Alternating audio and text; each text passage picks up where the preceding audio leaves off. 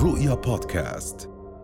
هذا البودكاست يقدم لكم بتقنية 3D للحصول على تجربة فريدة ومميزة. يرجى الاستماع للبودكاست بالهيدفونز.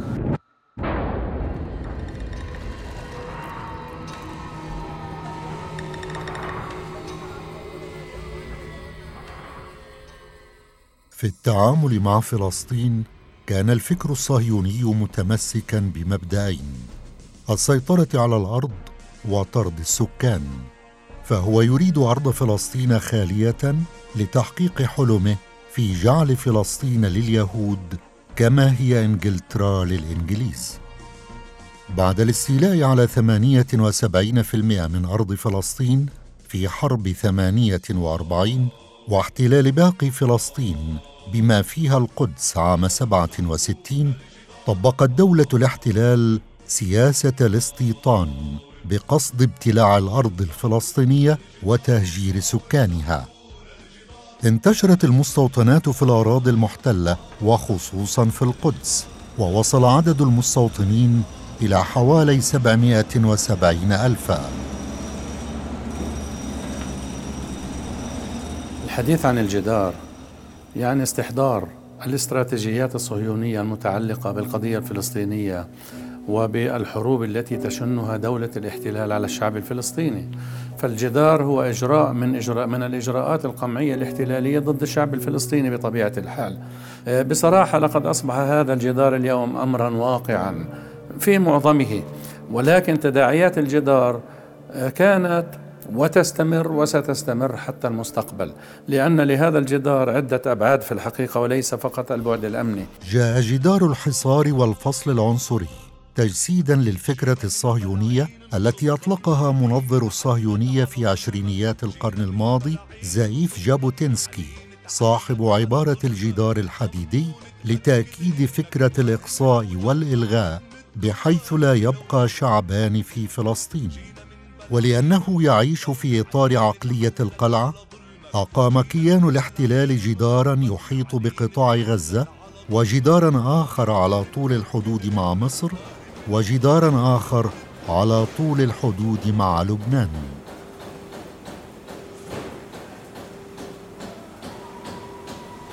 في العام 2002 وفي خضم الانتفاضة الفلسطينية الثانية عادت حكومة الاحتلال إلى فكرة الجدار العنصري وتبنتها حكومة أرايل شارون. كانت الحجة الأمنية شكلية لتطبيق نظرية جابوتينسكي باستخدام الجدار لفصل الفلسطينيين في كانتونات أشبه بالمعازل العنصرية. والهدف الصهيوني النهائي سرقة الأرض والمياه وتهجير السكان. هناك أهداف خفية أيضا وراء بناء الجدار. أهداف خفية هذا يجعلنا نستحضر حقيقة الاستراتيجية الصهيونية المتعلقة بفلسطين كاملة لأنهم هم يتبنون بالإجماع. أن فلسطين بالنسبة لهم هي أرض إسرائيل الكاملة من البحر إلى النهر. ولذلك يعملون أولا على السيطرة الكاملة على الأرض الفلسطينية وتجريد الشعب الفلسطيني من هذه الأرض ومن الوطن ومن التاريخ ومن الحقوق ومن الرواية وبالتالي تهويد كل هذه المناطق. وإلى جانب ذلك العمل على تهجير الشعب الفلسطيني. ولو على خطوات بطيئة وعلى مدى زمني يعني طويل. ينوي كيان الاحتلال تحقيق ثلاثة أهداف رئيسة أولها ضم أكبر قدر من الأراضي الفلسطينية والإبقاء على أقل قدر من الشعب الفلسطيني في تلك الأراضي وجعل المستعمرات الصهيونية ضمن كيانه. من ضمن أهداف الجدار أن يتمتع المستوطنون المستعمرون اليهود في الضفة الغربية بكامل حرية الحركة والتنقل وبأمن وأمان كاملين. ولم ولم يفصل الجدار المستوطنات اليهودية عن بعضها على الإطلاق بل إن الاحتلال قام بشق طرق التفافية خاصة تخدم المستعمرات والمستعمرين اليهود في الضفة الغربية. وبالتالي أنا بعتقد أن وفقا للقرارات والمعطيات الفلسطينية أيضا المستعمرات اليهودية تحتل حاليا ما لا يقل عن 40% من مساحة الضفة الغربية حاليا. والمخطط أن أن يسيطر الاحتلال على أكثر من 60% من مساحة الضفة الغربية وربما أكثر من ذلك. يعني هذه الأرقام متحركة وفقا لمصلحة الاحتلال الأمنية والاقتصادية والسياسية.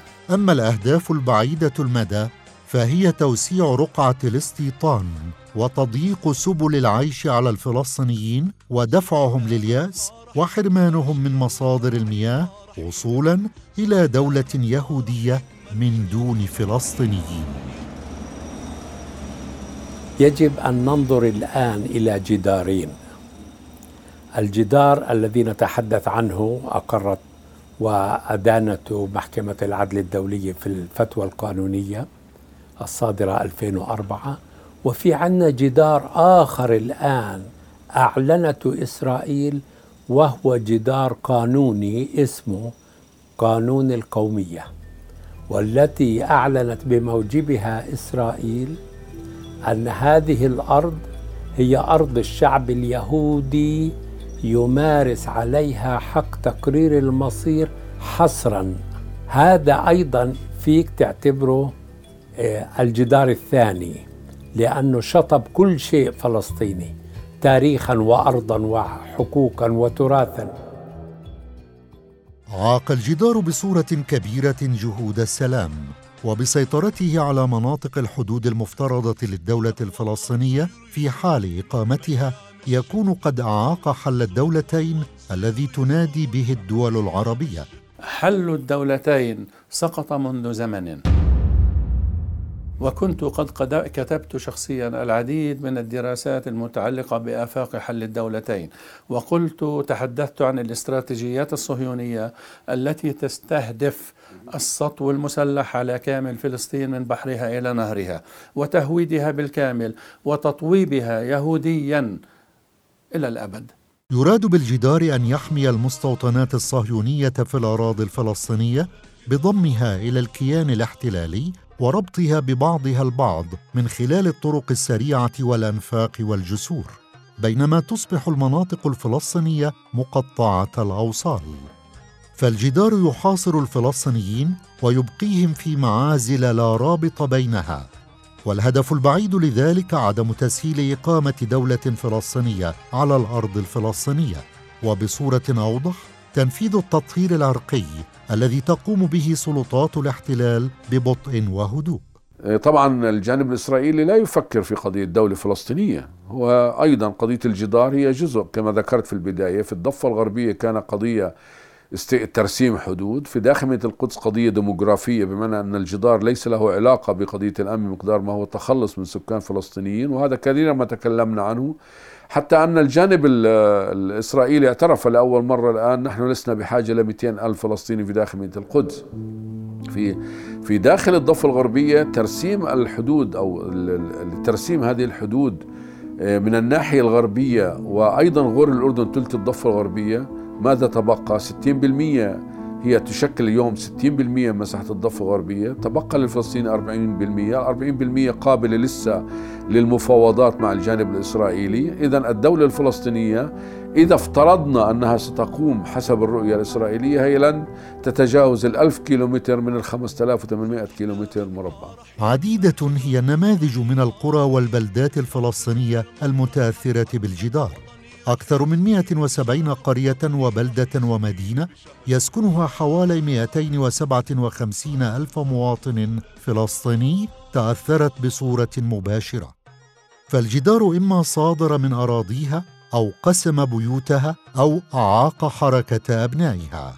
هذا الجدار أقيم في 80% منه على أراضي محتلة وهذا لا يجوز وهكذا قالت المحكمة.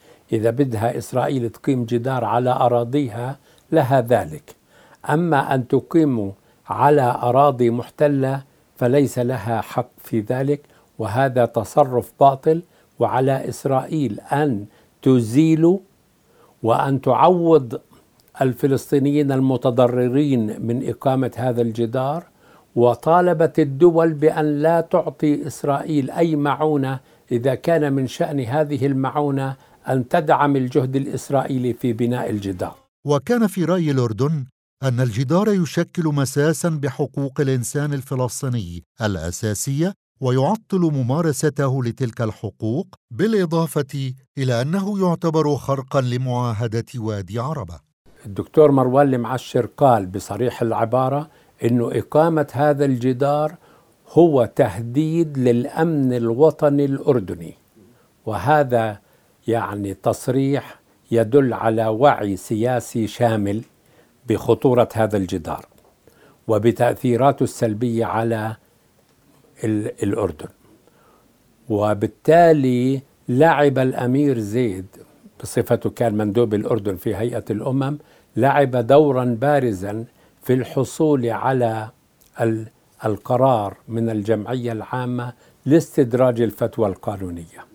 ثم جندت الحكومة الأردنية آه، ربما كان أفضل محامي مترافع في بريطانيا وقدم مرافعه جميله جدا قانونيا وسياسيا قدمها في المحكمة أمام محكمة العدل الدولية آه، ويدل على حرص الأردن على أن تبذل أقصى جهد إلها لإدانة هذا المشروع. الصهيوني. بعد ستة شهور من المداولات في التاسع من شهر تموز عام 2004 أصدرت محكمة العدل الدولية فتوى قانونية تاريخية بشأن جدار الفصل والحصار. أكدت الفتوى أن الجدار يناقض القانون الدولي ويخالف الشرعية الدولية، وبالتالي تجب إزالته على الفور وتعويض الذين تضرروا جراء بنائه. السؤال الذي يجب أن يطرح هل لو كانت ملزمة سيكون رأي المحكمة الدولية بخلاف ما صدر؟ بالضرورة لا. المحكمة لا تملك رأيين والقضاة لا يملكوا رأيين. القضاة يملكون رأيا واحدا وقناعة واحدة في في مسألة مطروح عليها عليهم. لذلك صحيح هي من الناحية الفنية أو الشكلية هي فتوى لكن هذه الفتوى صدرت بأغلبية 14 صوت ضد صوت لكن حتى الصوت الذي عارض لم يعترض على الأطروحات الجوهرية التي وردت في الفتوى لذلك هي فتوى قانونية صدرت عن أعلى هيئة قضائية وطرحت أمام المجتمع الدولي هذا ما يقوله القانون في قضية الجدار. يجب إفراز طاقم متخصص لمتابعة هذه الدول.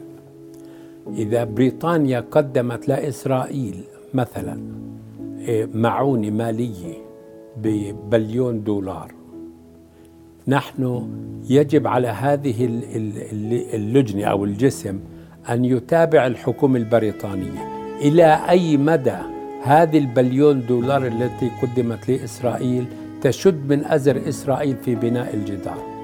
كيف اتخذت أنت يا بريطانيا أو ألمانيا أو فرنسا أو النمسا أو البرازيل أو الأرجنتين؟ كيف اتخذت من إجراءات للحقول دون وصول هذه المعونات إلى آه، آه، شد أزر إسرائيل في بناء الجدار. هل اتخذت إجراءات لكبح جماح إسرائيل في مواصلة بناء الجدار أو تفكيكه؟ ما هي الخطوات التي اتخذتوها؟ من بين كل خروقات دولة الاحتلال للقانون والشرعية الدولية يمثل الجدار العنصري أخطر تلك الخروقات وأكثرها إيلاما للشعب الفلسطيني. لو ذكروا لي أو قالوا لي خيروني إنه معنى المي معنى الزاد معنى كل شيء تستمر في الحياة. أو آه، تفقد الحياة بدونها. لفضلت إني أفقد الحياة ولا أترك أرضي إلا أنام تحتها جدار الفصل أو جدار العزل جدار الأمن أو جدار الحصار جدار الضم أو جدار التوسع الجدار الأمني أو الجدار العنصري. تعددت المسميات والهدف واحد.